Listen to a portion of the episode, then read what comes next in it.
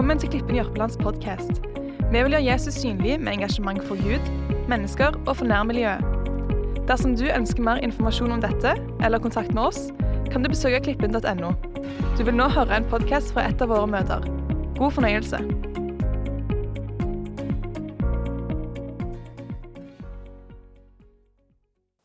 Jeg har gleda meg til å tale denne talen som vi skal tale i dag. Og så har jeg grua meg litt òg. Og Det er jo alltid litt spennende når du gleder deg og gruer deg til å tale en tale. Men jeg har enormt tro på å tale inn i den tida som vi lever i, og sette noen perspektiver på den sesongen som ikke bare er i som kirke, men som vi alle er i pga. situasjonen som vi står i i verden i dag. I dag så har jeg kalt preken for veikryss. Og for deg som har en bibel, så har jeg lyst til at du blir med meg, og så slår du opp i Josvas bok. Og så skal vi lese ifra der og utover i kapittel 3. Før det som, som vi leser her, så har det skjedd det at Israels folk har blitt ført ut av Egypt. De har gått 40 år i ørkenen. Eh, Moses han er død. Og plutselig så står de med veikrysset om hvor skal de gå nå. Hvordan blir livet videre? En sesong, en fase over. En ny har ennå ikke begynt. Og hvordan skal de gå fram i denne situasjonen? Og Da står de med Jordanelva, og de skal gå inn i det lovede landet. Og vi leser her om de instruksjonene som Gud gir gjennom Josfa til sitt folk. Og Det tror jeg er enormt mye å lære av i det at vi får lov til å møte våre veikryss i livet. Både som enkeltpersoner, men òg som forsamling og som samfunn. Og Da leser vi fra, fra vers 2, så står det dette Etter tre dager skjedde det at oppsynsmennene gikk ø, gjennom leiren. De befalte folk og sa Når dere ser Herrens Guds paktkiste og prestene blant levitene som bærer den, da skal dere bryte opp fra det stedet dere er, og følge etter den. Men dere skal likevel være en avstand mellom dere og dem på omkring 2000 alen. Kom ikke for nær den, så dere kan få vite hvilken vei dere skal gå. For dere har aldri gått denne veien før. For dere har aldri gått denne veien før. Josva sa til folket, hellige dere, for i morgen vil Herren gjøre underfulle gjerninger iblant dere. Takk, Jesus, for at du er her, at du er sammen med oss i dag, at du er sammen for å rettlede oss, for å hjelpe oss og for å vise hvem du er gjennom ditt ord. Og vi ber Jesus om at i dag så skal du få lov til å lyse fram. At du skal få lov til å bli synlig for oss. Og så ber vi Jesus om at når vi leser dette ordet og får lov til å møte deg gjennom det, så skal vi få lov til å gå ut, forvandle, fornye og forfriske i Jesu navn. Amen. Du, eh, jeg vet ikke hvordan det er med dere her på Jørpeland, men, men er det én ting jeg opplever som bor i Stavanger, det er at folk kan jo ikke kjøre i veikryss. Altså, Alle andre utenom meg, føler jeg. Altså, jeg vet ikke om dere har følt det sånn at Når du kommer i rundkjøring, så tenker du at er det sånn at jeg er den eneste som kan kjøre rundkjøringer? Eller, eller er det sånn at ingen andre har lært det? det, det du, du, folk blinker i øst og i vest, og de, de altså, legger seg feil. og Veikryss er jo generelt litt komplisert. Fordi at veikryss er jo der alle ting møtes, og du må ta uhyre mange valg på en gang. Jeg husker når jeg var 13 år, så, så var jeg på, eh, faktisk på misjonstur i Bolivia av alle steder. Det var første gang jeg reiste med fly, og da debuterte jeg med å reise til Bolivia. Det var en veldig spennende reise. Vi fløy med et uh, portugisisk flyselskap. Jeg sov ingenting på flyet. De viste kun filmer på spansk. Det var en enormt spennende reise. Men når vi kom der og kjørte bilen ned igjennom, så kom jeg begynte jeg å se mønster. og da, da, da, tenker Jeg jeg er så takknemlig for norske veikryss kontra veikryss i Bolivia. For der var det sånn at Når de kjørte ned gjennom taxiene, så bare når de kom til et veikryss, så bare burta de tre ganger. Dit, dit, dit, og så kjørte de bare uansett. For de tenkte nå har jeg gitt beskjed om at jeg kommer. Utfordringen var at når du hørte da, når du hørte lyden, så hørte du at andre òg burde ha tenkt Å, kjære Jesus, la meg ikke dø som 13-åring i Bolivia. Men veikryss er kompliserte greier, fordi at i veikryss så må en faktisk gjøre ganske mange valg som fører deg på rett vei. Livet har enormt mange veikryss. Livet har enormt mange veikryss. og Jeg vet ikke hvordan det er med deg, men av og til så hadde det vært så deilig at veien bare gikk rakt framover. At det var bare liksom beine veien, eh, fine været, og du liksom bare kunne kjøre uten å tenke.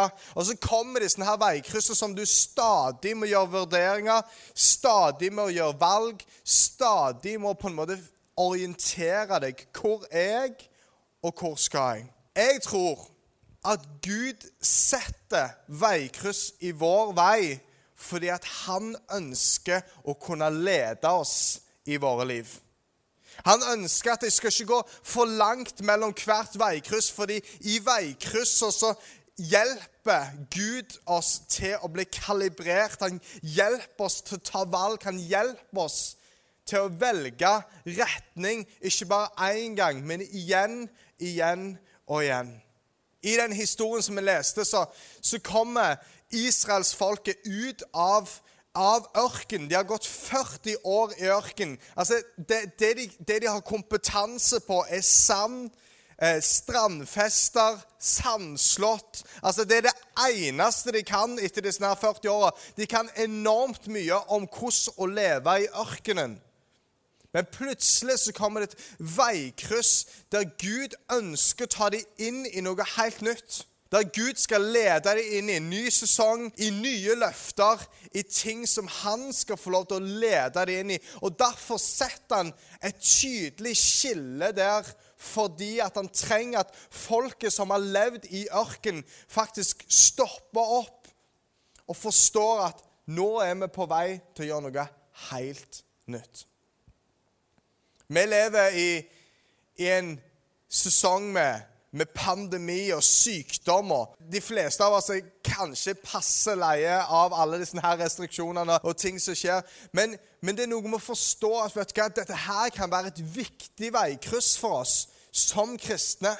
Men òg som menighet, der vi kan faktisk stoppe opp og be Gud og si vet du hva, Hjelp meg, Gud, til å velge riktig vei i det veikrysset du har satt foran meg. Bruk denne her muligheten til å kalibrere min reise. For sannheten er den at eh, jeg har eh, gått i speideren i mange mange år. Jeg vet at jeg ser ikke ut som det, men jeg har vært patruljefører i speideren.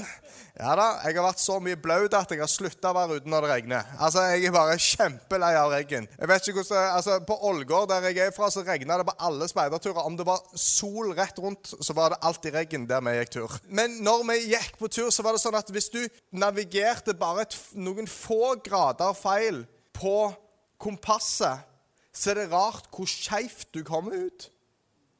Det er rart hvor små ting som gjør at du kommer helt på skeiva av det som, som, du skulle Kanskje ender du opp i en parallell dal til det du egentlig skulle gå i. Og Derfor er det så viktig at når veikrysser i livet når ting skjer der vi stopper litt opp, at vi faktisk lar Gud lede oss i de veikryssene. Fordi han bruker veikryssene til å kalibrere vår reise. Fordi hvis du er litt sånn som meg, så elsker du at livet er bånn gass. At det bare er liksom, at, det, at en bare kan kjøre på.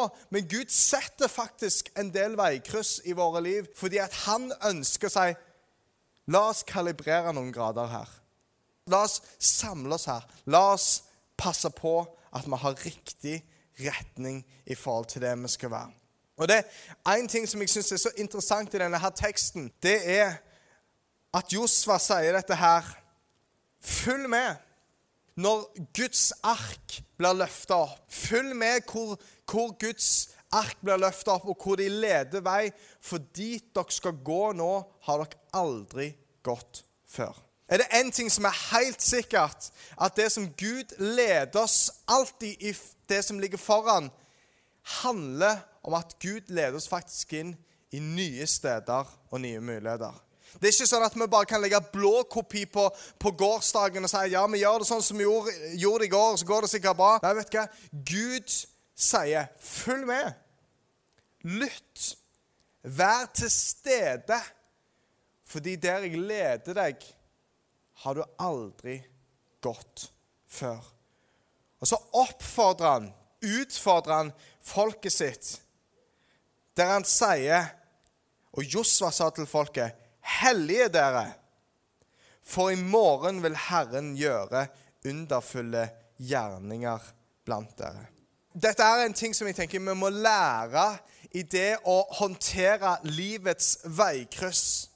Det er at vi håndterer de kryssene som, som faktisk Gud bruker i våre liv. Det er ikke sånn at Jeg tror absolutt ikke at eh, liksom, sykdom og pandemi er adressert fra Gud. Nei, absolutt ikke. Men jeg tror at han kan bruke situasjoner som dette her til faktisk kalibrere vår reise. Stille noen gode spørsmål og få oss på kurs igjen i forhold til det som han har ledet oss imot. Og Da sier han at en av de tingene som Josva utfordrer sitt folk til Nå skal vi faktisk gå fra en sesong til en annen sesong. Hva er viktig da? Jo, følg med på hvor Gud leder. Men så sier han òg noe som jeg syns er interessant. Det er at han sier 'hellige dere'. Det han snakker om i denne her sammenhengen, er et ord som på hebraisk heter 'kadash', som handler om, om å helliggjøre, om å rense, om å klargjøre seg for den reisen som ligger videre. Du vet, 40 år i ørkenen Det var ikke bare sånn at Israels folk hadde lagt spor i sanden eller i ørkenen. Vet du hva? Ørken den hadde satt sine spor i det folket. Den hadde gjort noe med tankene, den hadde gjort noe med sinnet, den hadde gjort noe med virkelighetsoppfatningen. Fordi det eneste de kjente, var ørkenvandring. Det var det eneste de visste om. De hadde opplevd Gud, at Gud var til stede, at Gud leda dem, at Gud forsørgte dem, samtidig som Gud ønskte å lede dem videre i noe som var bedre, noe som var hans løfter. Og det er i denne overgangen så, så sier Josfa, hellige dere, gjør dere klar for det som Gud skal gjøre. Forbered dere på det som Gud skal gjøre. Ok, hva, var det de praksis gjorde? Da vaskte de seg. De tømte sandalene for sand. altså de, de, gjorde seg klar for den reisen de skulle gå inn i det lovede land. Og så gjorde de en annen ting. De, de gjorde opp gammel skyld og gammel synd. Det vil si at de ofra for å bli gjort reine og klar til det som ligger foran. Og vi er så takknemlige at det som gjør oss rene, er Jesu verk på korset. Vi får lov til å stole på Hans nåde, på det som Han har gjort på korset. Det, vi kan ikke rituelt lenger gjøre oss rene.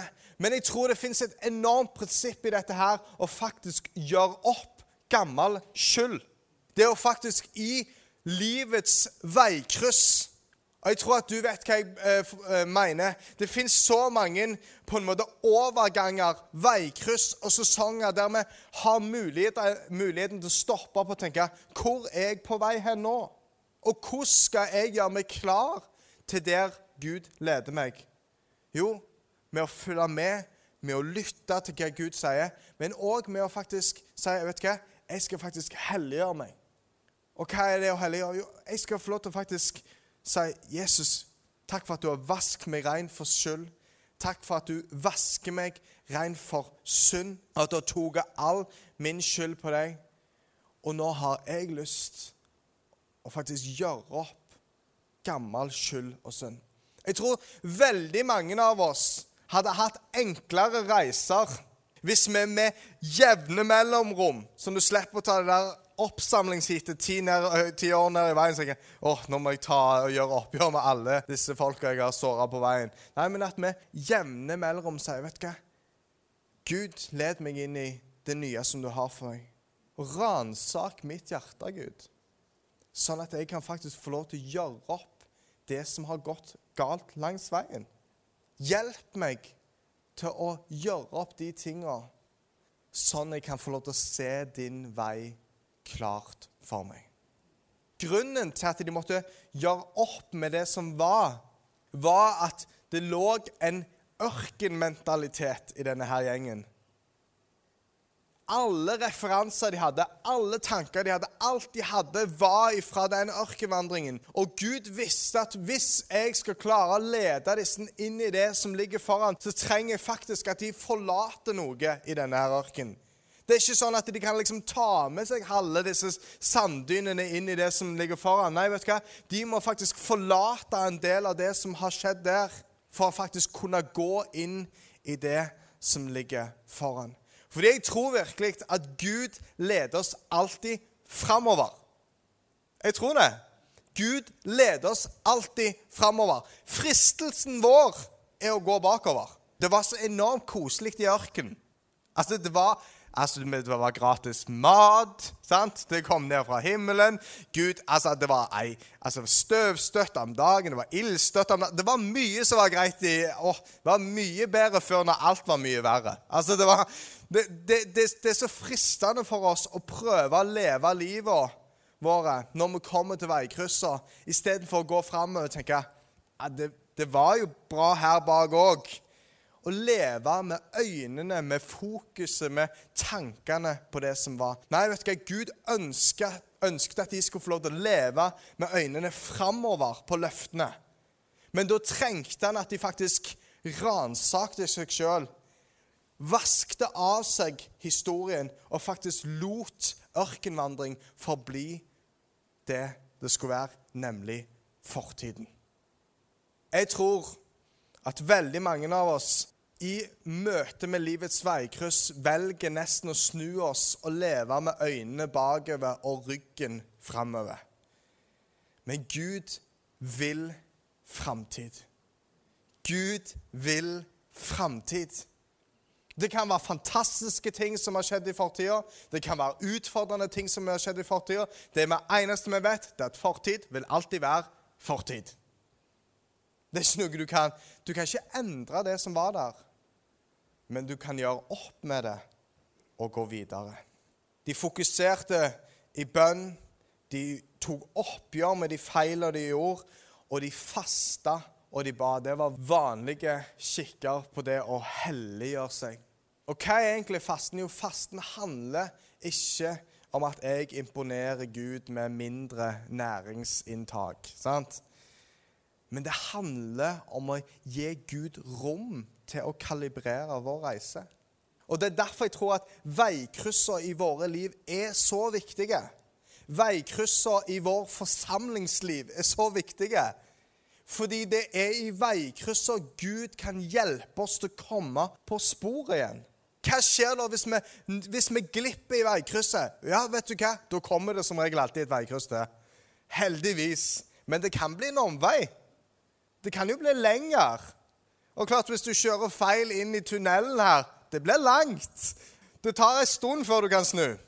Jeg har sett videoer av at det er folk som har prøvd å snu inni. Det funker dårlig. Jeg vil ikke anbefale det.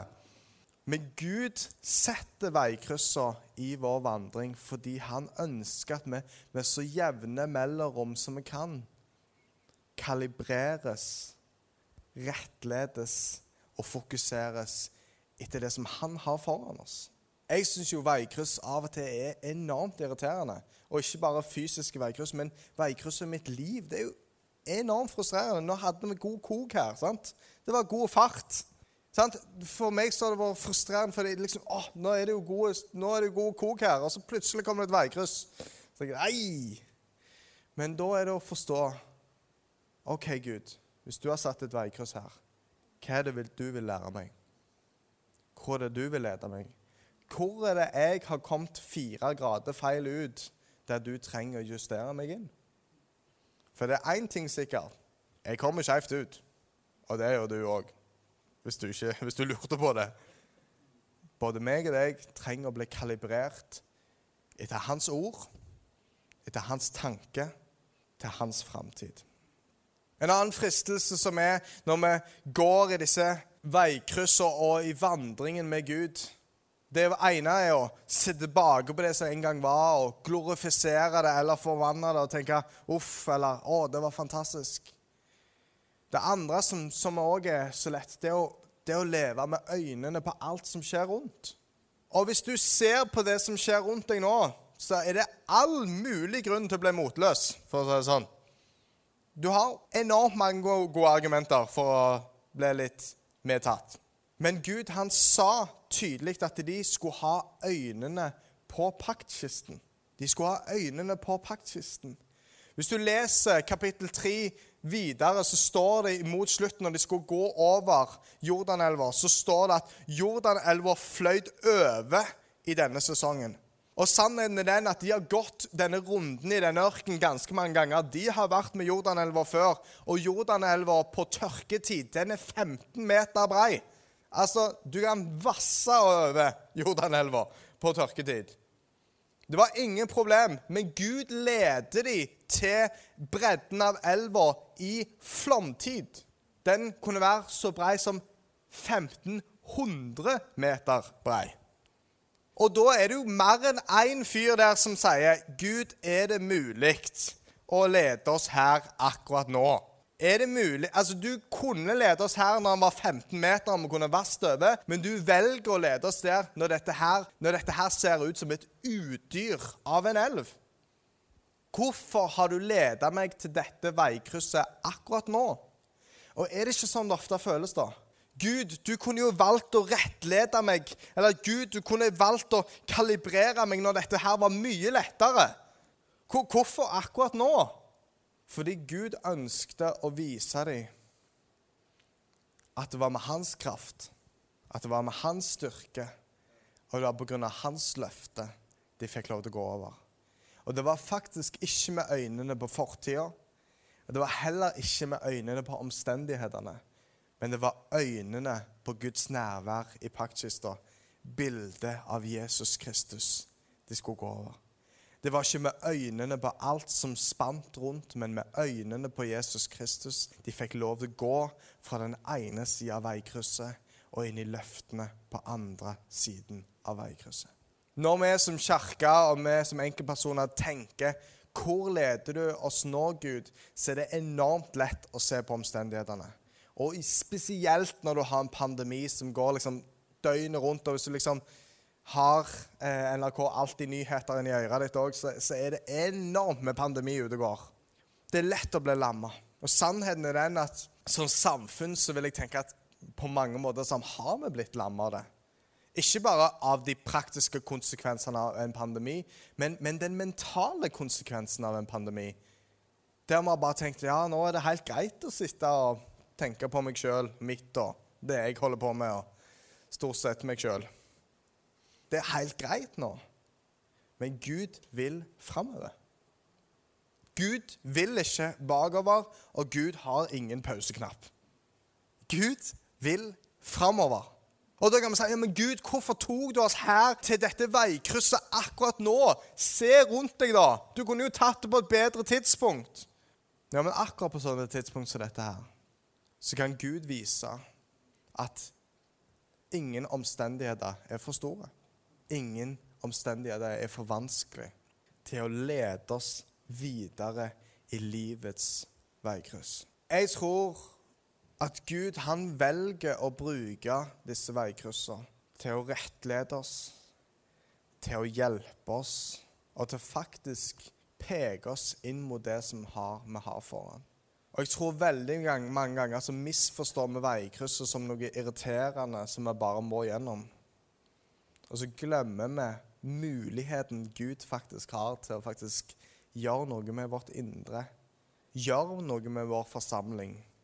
Gjøre noe med oss som hans i møte med alle livets veikryss.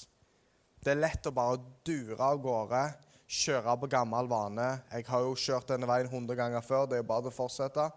Men Josfa er tydelig på at følg med. Følg med. For nå er vi ikke bare på en runde til rundt i ørkenen, sånn som alltid har vært. Gud skal gjøre noe nytt. Og hvis Gud skal gjøre noe nytt, så trenger du å følge med, sånn at du vet hvor han går. For den veien vi skal gå, har vi aldri gått før. Jeg har tro på god erfaring. Jeg har tro på visdom fra tidligere erfaringer og opplevelser. Men når vi kommer til veikrysser i livet, så handler det faktisk om å ha en visdom som ikke handler om fortid, men det handler om å ha en visdom som handler om framtid.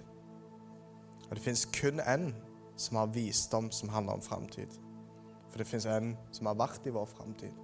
Og Derfor fins det mange smarte som kunne sagt noe om hva vi skal velge i disse veikryssene. For de har opplevd, de har sett, og de har hørt en eller annen gang. Men den visdommen handler om hva som har skjedd. Når vi kommer til livets veikryss, så trenger vi en visdom som leder oss til det som skal skje, til det som ligger foran oss. Og i det da, så utfordrer Gud oss til å forberede ditt indre. La deg ransake, sånn at øynene dine kan se klart. At, være, at det synet ikke skal være påvirka og tiltåka av gamle konflikter, gamle utfordringer, gamle ting som ligger med at han sier gjør dere klar sånn at dere kan se klart, og følg med. For den veien dere skal gå, har dere aldri gått før. Ikke med øynene på det som har vært før, ikke med øynene på det som er rundt, men med øynene på mine løfter. Med øynene på hvem jeg er, med øynene på mitt nærvær, paktkisten, Jesus Kristus, som faktisk hjelper oss til å gå riktig vei ut av livets veikryss. Så skal jeg få lov til å lese et stykke tekst fra profeten Jesaja. Så sier Herren, Han som gjorde vei i havet og sti i veldige vann han som lot vogner og hester, hær og krigsmakter dra ut. Alle sammen ligger de der. De står ikke opp. De er slokt som en veke sloknet i. Kom ikke i hu de forrige ting. Akt ikke på fortiden. Se, jeg gjør noe nytt. Nå skal det spire frem. Kjenner du det ikke? Ja, jeg vil gjøre vei i ørkenen og strømmer i ødemarken. Håper dette budskapet har vært til inspirasjon og veiledning. Flere podkaster finnes på klippen.no og iTunes. Du er hjertelig velkommen til en av våre gudstjenester. Snakkes der.